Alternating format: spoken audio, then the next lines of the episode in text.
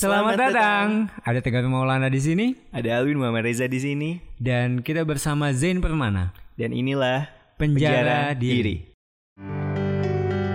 manusia tidak mungkin menjadi manusia tanpa ada Cuma positif ada yang Manusia adalah individu yang selfish.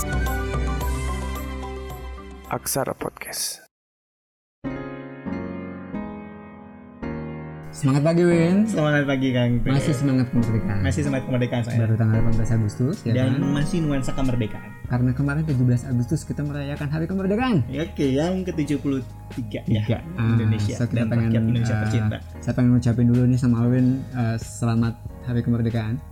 Semoga kita selalu diberikan kemerdekaan dalam hidup. Ah, pertanyaannya adalah Pertanyaannya adalah bener merdeka apa enggak? Oke, ketika kita ngomongin kemerdekaan bangsa ini lalu jadi pertanyaan ya kan, kita sendiri udah merdeka belum ya? Karena bisa jadi bentuk penjajahannya lain loh. Oke. Ya? Jadi kita ngerasa dijajah tapi dalam bentuk lain ya. Yes, bisa jadi kita ngerasa dijajah oleh hal-hal yang selama ini kita anggap sepele.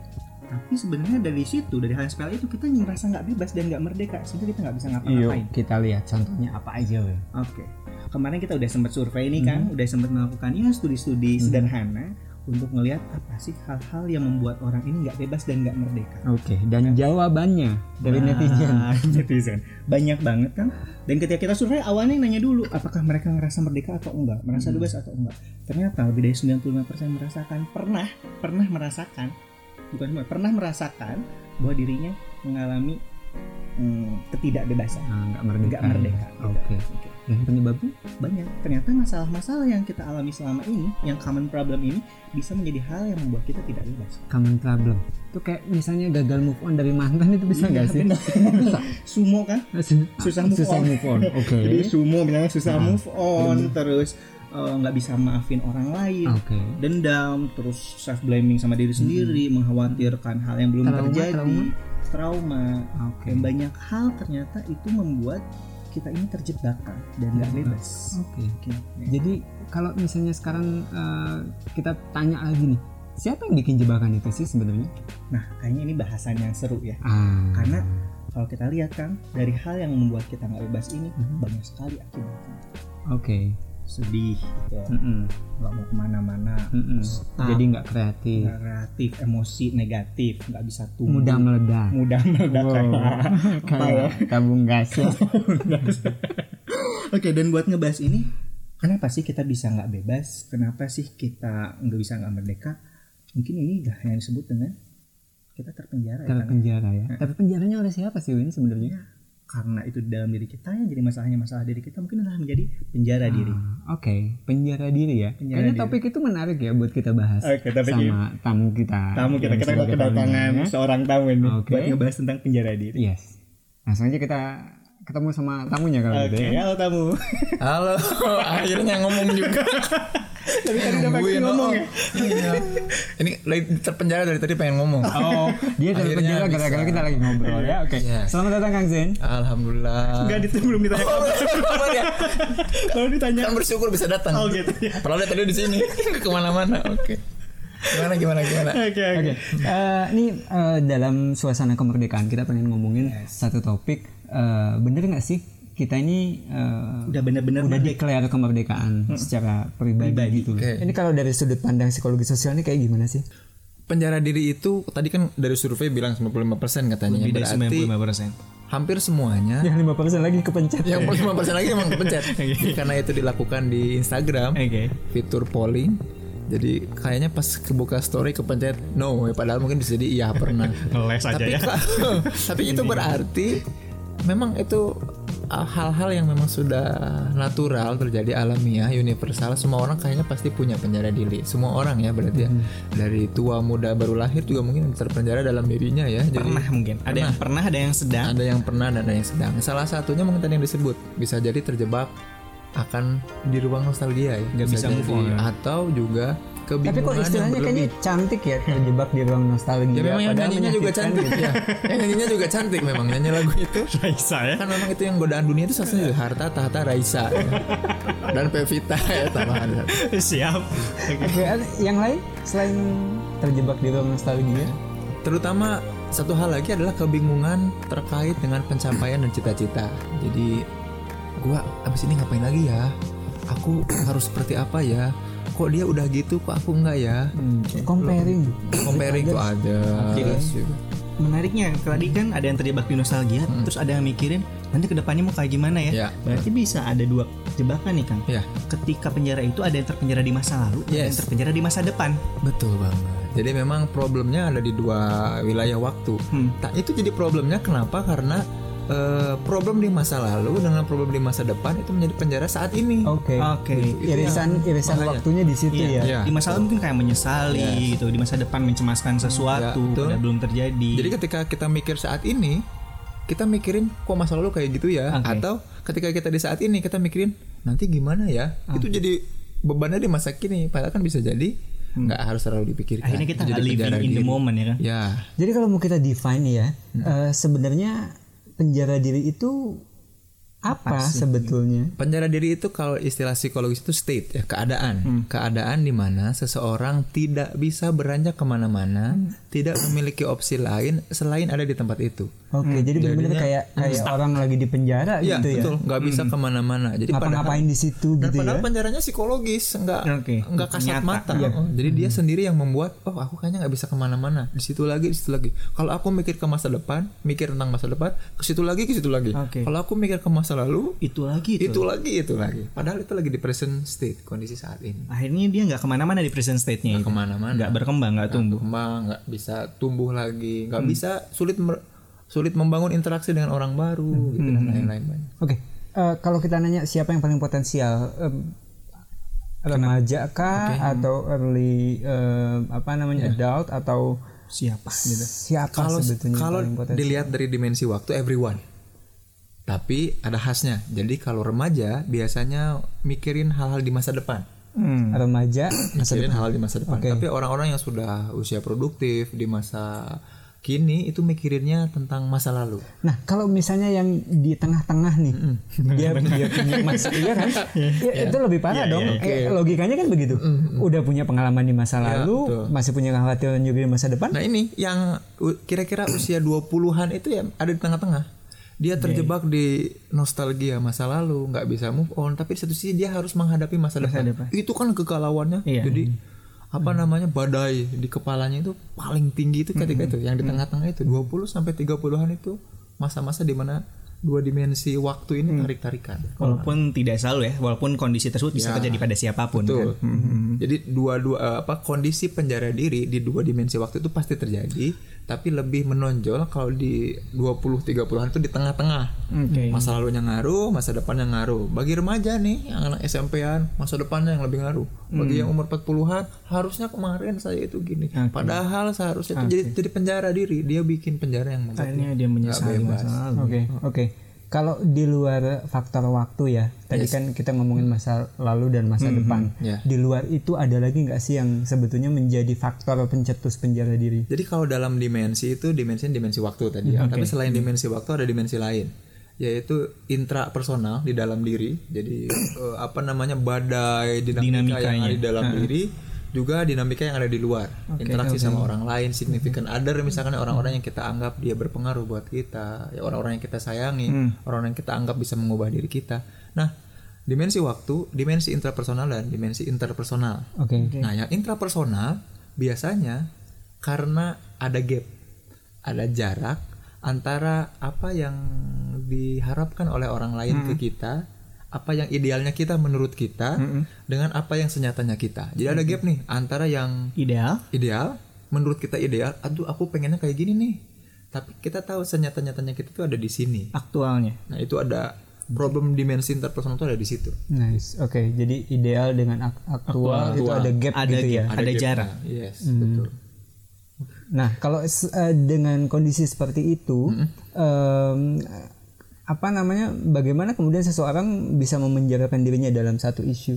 Nah, yang terutama itu terpenjaranya itu ketika dia kesulitan untuk menemukan cara bagaimana supaya kondisi yang nyata yang aktual ini senyata-nyatanya dia dengan idealnya itu nggak terlalu jauh. Hmm. Jadi kan kalau idealnya aku bisa bangun pagi. Iya. Nah, kenyataannya saya telat 15 menit dan itu jadi kegagalan yang terus-menerus. Nah, itu kesulitannya tuh penjaranya tuh ada di situ. Saya nemu quotes yang bagus bahwa di antara yang aktual, eh, ideal dengan yang aktual itu di tengah-tengahnya adalah action. Yes. Nah, eh, apakah orang-orang seperti ini adalah orang-orang yang kesulitan menentukan action gitu? Oh iya. Defining actionnya susah. Divine action. Ya, jadi biasanya terutama idealnya itu ketinggian sementara dia nggak nggak sadar bahwa yang aktualnya itu bukan dia banget. Atau kayaknya aksinya itu tidak akan membuat dia nyampai cepet-cepet atau nyampai ke kondisi idealnya. Ya memang actionnya itu penting. Tapi bagaimana orang bisa defining action nge-breakdown itu jadi betul-betul detail action itu yang kita agak susah manusia tuh agak susah di situ Berarti yang namanya kegalauan, kata tadi kan akibat dari ideal sama aktualnya jauh nih. Yes. Dan ini kita akan terus stuck kalau seandainya kita tidak melakukan action. Ya, itu dampaknya. Jadi eh, apa sih akibat dari terpenjara oleh diri, terutama itu terkait kalau dimensinya, dimensinya di intrapersonal di dalam diri itu galau, baper, Hmm. julid, nyinyir, itu semua ada di situ. Jadi ketika jadi kenapa kita harus lepas dari penjara diri? Salah satu alasannya kalau kita nggak lepas dari penjara diri, ya kita akan terus-terusan di situ. Ada kondisi di mana kita bingung tentang masa depan, trauma akan masa lalu, sulit melakukan hal-hal Iya, baru, nah. nggak bisa dapat actionnya. Dan saya jadi inget loh orang-orang yang galau, orang-orang yang gagal move on itu biasanya jadi nggak nggak bisa eh, melangkah gitu ya. Iya. Iya. Eh, dan kemudian malah bikin kondisinya makin parah secara emosional makin drop. Iya, iya.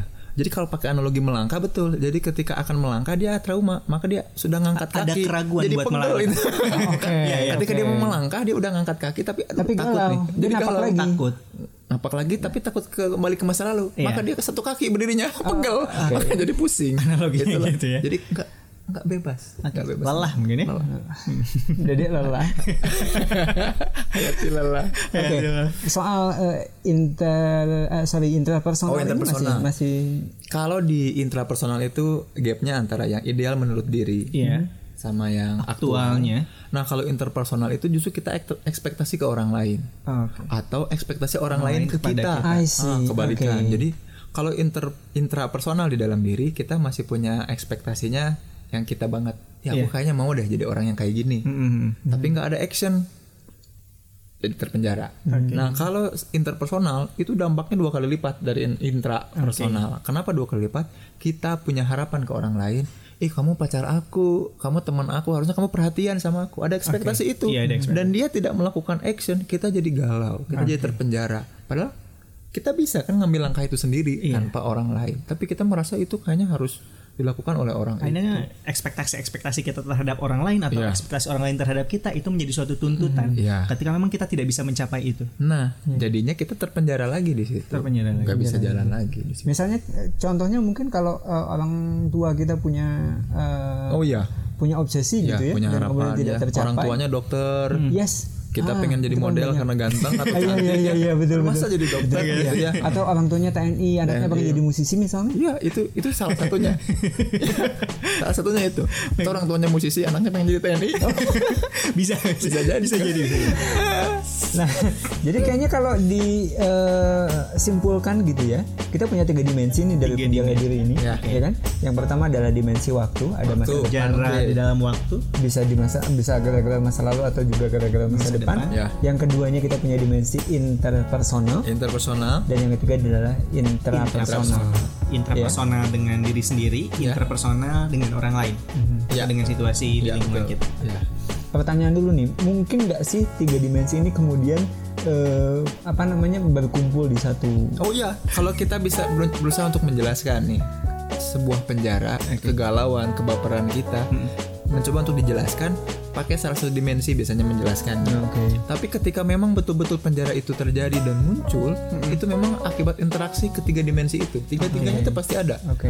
Ekspektasi dalam diri iya, ekspektasi orang lain iya, terjebak dalam masa lalu dan juga kebingungan, kegalauan, ketakutan masa depan juga iya. Belum lagi kalau misalnya punya konsep diri yang mungkin nggak terlalu strong Ah, kali iya, ya. dibangunnya gitu. Oke. Dan ini akhirnya menjadi dinamika yang pelik di dalam diri seseorang sampai pada akhirnya dia membuat hmm, penjara dalam dirinya. Dan itu jadi penjajahan yang membuat kita bisa jadi masih belum merdeka saat ini. Itu juga. Jadi Jadi ada baiknya kita lihat lagi ke dalam diri jangan-jangan ada hal-hal yang harus kita bebaskan merdekakan dari dalam diri kita ini. Betul.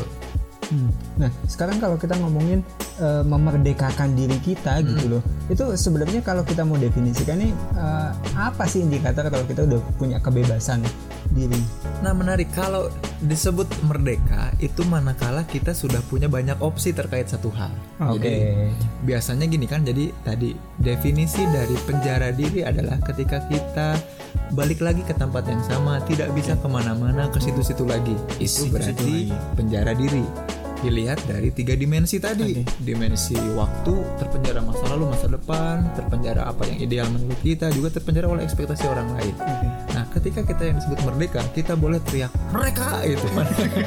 Merdeka kan sambil, bukan mereka. sambil ngangkat tangan gitu. Oh, merdeka itu ketika kita sudah punya opsi jadi Oke. ini bisa A bisa opsi A bisa opsi B bisa opsi C bisa Kayak tadi melangkah ya, mau melangkah Iya. ke depan Iya, bisa, betul. Mau melangkah kiri bisa, kanan Iya, bisa, kanan ke bisa. depan berapa, Iya. berapa langkah juga sudah tahu dan gitu. itu ya. tidak usah pakai bingung kita Iya. tinggal oke ini benefitnya apa ini benefitnya apa nah itu yang disebut dengan merdeka Nah, ini dia punya kebebasan buat hidup. Iya, betul. Dia nah, nggak stuck. sayangnya, heeh, nah sayangnya kebanyakan orang, bukan kebanyakan, hampir semua orang mengalami hal di mana masa di mana tadi state tadi ya, masa di mana dia sulit untuk melangkah itu. Hmm. Opsi ini kayaknya balik lagi ke tempat semula. Iya. Opsi itu balik lagi ke tempat semula. Itu bukan opsi namanya, itu nggak merdeka namanya. Dan yang saya temukan nih kan biasanya tadi kalau kata bahasa Kang Zen kembali lagi ke tempat awal bisa jadi adalah pola pikirnya. Ya, Jadi pikirannya masih di situ-situ aja mau coba berpikir maju, tapi tetap di situ yang dipikirin. Maupun kondisi emosi. Ya. Ingin menjadi emosi bahagia tapi dia sedih terus gimana ya? Atau perilakunya pun akhirnya stuck di situ-situ aja. Dia mau melangkah untuk berperilaku menjadi lebih positif tapi nggak bisa. Oke, gitu. Sampai pada akhirnya ya tadi nggak bisa bebas. Kalau kayak gitu kan juga untuk bisa bebas kita harus aware dulu dengan barrier-barrier yang kita punya dong. Ya, ya. Nah, memang nanti ujungnya itu ketika disebut merdeka dan terkait opsi itu, nah betul tadi yang kata Alwin bilang bukan cuman perilaku dalam bentuk aksi ya, dalam bentuk aksi, bukan juga pikiran ya, tapi juga perasaan. Perasaan. Jadi eh, kan galau itu ketika kita mencoba untuk memikirkan banyak hal di satu tempat itu namanya galau. Jadi galau itu nggak ada hubungannya sama perasaan. Duh aku galau. Biasanya salah persepsi orang tuh mendefinisi galau kan gitu ya. Tapi yang disebut galau itu ketika orang memikirkan banyak hal di satu tempat yang sama. Nah itu biasanya karena terpenjara oleh domain-domain tadi, dimensi-dimensi tadi. Nah kalau dia merdeka berhasil, me- memang pikirannya udah oke, aku bisa fokus ke satu hal, bisa khusyuk ke satu hal, bisa nemu dan memecahkan masalah di satu hal, itu merdeka. Tapi kalau perasaan gimana? Perasaan itu ada kaitannya sama ekspresi. Oke. Jadi kalau yang disebut terpenjara adalah gini, aku ingin bahagia tapi aku ngelihat dia aku malah ingin menangis. Oh, aduh. Itu dia nggak bisa. Dia mencoba mengelola perasaan tapi mengekspresikannya perasaan sedih. Iya. Aku bah aku bahagia kok kamu bahagia tapi sedih gitu. Itu masih terpenjara namanya. Bukan gitu. Jadi selain dimensi-dimensi di mana orang itu terjebak di dalam dan terpenjara, ada juga domain-domain tanda di mana dia sudah merdeka. Oke. Kalau dalam domain pikiran, pikirannya bisa eh, positif satu, yang kedua pikirannya itu dia sudah bisa melakukan problem solving, dan terakhir decision making dari opsi-opsi itu.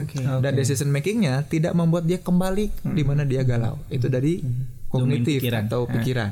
Kalau dari perasaan dia mampu, kalau istilah psikologis itu adekuat ya, dia mampu untuk mengekspresikan secara tepat perasaan yang ingin dia tampilkan. Oke. Jadi kalau mantannya datang lewat kalau saya udah bahagia mantan saya dengan orang lain harusnya ekspresinya bahagia selamat ya kamu udah sama yang lain gitu. Selamat tapi gue air mata Oh, gitu. selamat Tapi berlinang gitu ya. atau pulang buru-buru nyari shower kan keramas oh, Biar pas nangis nggak kelihatan Iya, biar pas nangis nggak kena. itu jaga itu juga menarik di situ ya jadi bisa dimensi di mana dia terjebak tapi secara indikator orang merdeka ada domain tempat di mana ya seharusnya kalau merdekanya ditandai dengan Iya. pikirannya positif, Positif, emosinya juga positif. Positif. emosinya positif dan actionnya Action ya. Oke. tiga itu sebetulnya Oke, jadi eh, dan itu eh, action kaitannya dengan fisikalnya kita ya, maksudnya Iya. Eh, ada orang yang galau tapi kemudian dia ng- ngurung terus di kamar Iya, iya, gitu ya. Dan eh, saya pernah baca satu literatur justru kalau kita eh, pagi-pagi itu kita memulai dengan aktivitas yang misal olahraga pagi, Iya. justru itu ngefek ke emosi ya. karena actionnya itu aksinya itu, Iya. actionnya itu membuat orang positif. Jadi motion creates emotion. Aktivitasnya itu menciptakan ekspresi yang tepat dari emosi yang ingin kita bangun. Itu juga bagus. Nah menariknya nih, kalau orang sudah merdeka, jadi domain tiga-tiganya udah termasuk ke indikator merdeka, apa yang terjadi? Orang dengan gampang aktualisasi, mau ngejar potensi apa pun jadi enak, Oke, oke, enak banget jadi aktua. Jadi di sini kita belajar bahwa kita bisa jadi masih terpenjara nih, Iya. Kang Te ya, Kang Alwin. Jadi kita masih bisa terpenjara oleh dimensi-dimensi tadi. Oke. Dan kalau kita bisa menunjukkan dengan domain-domain tadi pikiran, perasaan, juga perilaku kita bisa positif, maka apa pun yang ingin kita capai itu bisa kita capai dengan mudah. Oke. Oke, saya pengen elaborate lebih lebih jauh lagi, misalnya eh, yang lebih mudah kita pahami gitu ya. Kok kayaknya ada ba- ada orang yang dengan mudah banget bisa memaafkan orang lain misalnya gitu. iya. Terus eh, misalnya baru putus tapi besoknya udah posting yang, eh, baru. bukan dengan yang barunya tapi udah udah perilakunya. ya udah posting bahwa eh, dia baik-baik gitu lah. aja, I'm fine gitu. Eh, Oke, gue kehilangan lu tapi gue menemukan diri gue sendiri kayak gitu-gitu. Iya, iya. Tapi di sisi lain ada yang ketika putus atau punya masalah kayak galaunya di spread banget Yes, gitu. Iya. bener. Dan itu faktornya yang tadi tiga tadi itu ya, Ya, semuanya harus positif itu. ya. Jadi kan kalau definisi memaafkan di psikologi itu keti- jadi memaafkan itu ketika kita mampu melihat melihat sebuah kelukaan hati, kesakitan hati akibat orang lain dari sudut pandang lain sehingga kita bisa eh, men- apa menilai bahwa hal ini tuh sebenarnya tidak masalah. Oke. Ya contohnya gini, eh, saya diputusin oleh si A, saya sakit hati dan menendam. Jadi kalau sakit hati itu saya terluka oleh orang lain, tapi kalau menendam orang lain yang menyakiti saya, saya doakan dan saya punya intensi untuk membuat dia lebih sakit, dari ini. Itu namanya nen- menendam. Ya grudge and revenge itu itu artinya. Nah, ketika sakit hati terus kita memaafkan. Nah, memaafkan itu kita lihat dari sudut pandang lain. Dia menyakiti saya, oh, memang hubungan kita kalau dilanjutin itu nggak akan baik. Oke. oke. Hubungan yang buruk ini memang seharusnya putus. Itu karena dia sudah punya namanya. punya eh, apa namanya tadi yang positif secara eh, Kognitif juga kognitif ya. Dan memaafkan itu juga sa- salah satu ciri dari pikiran, perasaan dan perilaku yang sudah merdeka.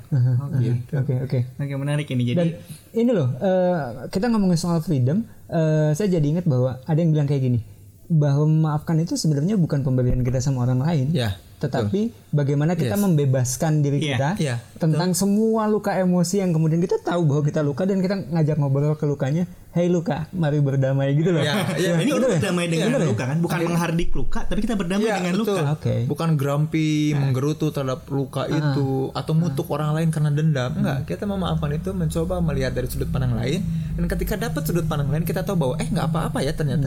Itu biasa aja ya. Memang Atau sadar oh ya udah memang harus berakhir. diobatin gitu ya. Oke. Nah, ini. Akhirnya tiga domain tadi, kognitif, emosi, dan perilaku menjadi satu kesatuan utuh yang menentukan bagaimana nanti kondisi seseorang, state-nya tadi Ya, ya, kalau bahasa Kang Zen gitu Ya. loh. Dan itu berlaku secara uh, Semua. umum ya. Secara Misalnya umum semua yang tadi kita ngomongin soal uh, obsesinya orang tua. Ya. Oke. Kita acceptance terus Ya. kita memaafkan dan kita Ya move bisa on jadi gitu gitu. ya. Misalkan gini, orang tua TNI kita pengen jadi artis misalkan. Tapi kita kalau kita lihat sudut pandang lain dari bagaimana orang tua mendidik kita, maka oh bisa jadi harapan ini muncul dari apa? Oh dari bisa jadi doa-doa atau dari harapan bahwa masa depan itu tercipta atau cara pola asuh. Oh jadi kita bisa melihat oh kayaknya memang cara orang tua melihat itu beda. Dan itu tanda dia sayang.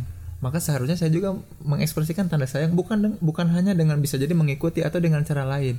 Dengan cara bilang, "Oh, Pah, Mah bisa jadi musisi ini juga cara papa dan mama mengaplikasikan hal-hal yang mungkin menurut papa dan mama benar gitu. Value-value-nya itu bisa jadi tepat. Jadi Oke, dan dalam dimensi itu penting ya kita meng- Ya. mengungkapkan uh, unek-uneknya kita Ya, sama betul. figur dominan. Asertif. Ya, Asertif. betul. Jadi asertif itu kan memang kita mengungkapkan Ya. dengan dalam kondisi yang baik dengan cara yang baik Dengan juga. cara yang baik. Bukan dengan cara yang agresif justru. Karena sebetulnya kalau nggak asertif ya pilihannya adalah agresif tadi gitu Iya. ya. Kita jadi Kalau nggak asertif agresif. ngedumel pun bisa Iya. jadi agresif. Iya, kan agresif sama diri sendiri atau agresif sama orang lain justru. Dan itu bahaya ketika kita ngedumel itu agresifnya itu ke diri kita, masuk ke dimensi di mana aktual dan ideal di intrapersonal itu berantem lagi, terpenjara lagi akhirnya. Kembali ke posisi di mana kita terpenjara lagi. Oke, jadi kalau kita elaborasi tadi bagaimana kita melihat sudut pandang lain itu bisa memerdekakan secara kognitif yang nantinya juga mungkin bisa menyentuh sisi emosi dan perilakunya gitu. Iya. Yes. Dan kalau dari Kang Zen sendiri,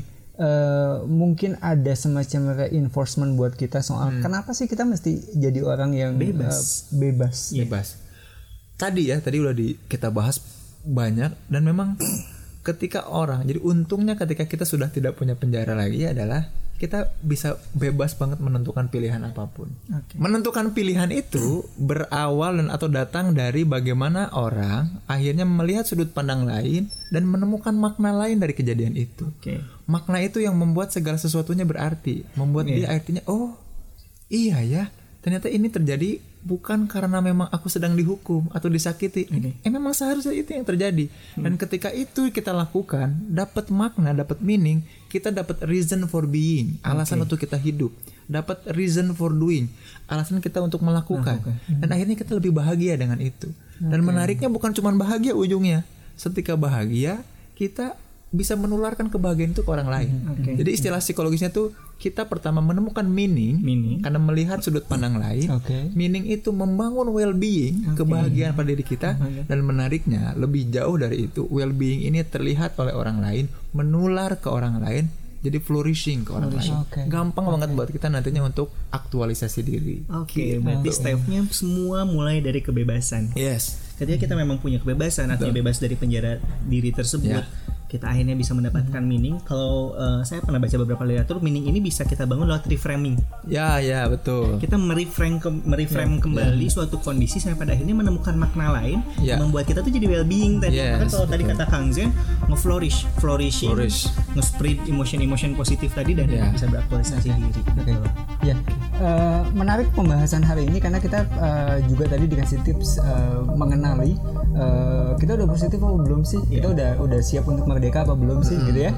Kayak gitu kan. Nah, tapi di sisi yang lain eh, kita juga dikasih tahu nih tentang eh, apa namanya kalau saya bungkus mungkin jadi the power of why ya. Ya. Why yang pertama adalah mengenai uh, kenapa kita harus keluar dari keterpenjaraan diri dan yang kedua kita dikasih tahu why mengenai kenapa kita harus jadi uh, orang yang merdeka. Iya kan? Merdeka, yes. Iya kan? Nah, kayaknya the power of why ini kalau misalnya kita uh, apa namanya encourage terus, kita uh, kuatin terus itu bisa memudahkan kita untuk uh, bergerak dari kondisi Iya. uh, keterpenjaraan diri ke kondisi uh, lebih bebas Ya. gitu. Tapi tetap masih ada satu pertanyaan Win sebenarnya. Pertanyaan apa itu? Pertanyaan soal kalau why-nya udah, Oke. how? How-nya. Oh ya. Oh ya kita belum ngomongin bagaimana caranya ya. Oh, kita belum Oke, ngomongin oke. ke Jadi situ. ketika kita udah tahu kenapa kita terpenjara, apa itu penjara diri dan Oke. kenapa kita harus bebas, Ya. gimana caranya kita bebas? What is the first step untuk Oke. kemudian kita Nah, bagaimana caranya bebas? sekarang?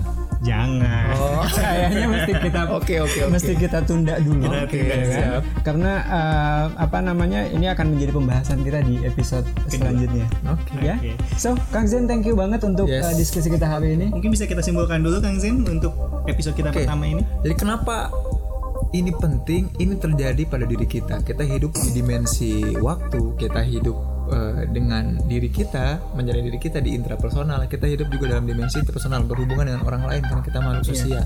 Dan tiga dimensi ini bisa jadi faktor yang penting yang membuat kita terpenjara dan tidak bebas. Padahal bebas itu membuat kita mampu untuk memaknai apa-apa yang kita lakukan, membuat kita bahagia, dan juga membuat kebahagiaan ini menular ke orang banyak. Iya. Yang ditandai dengan apa?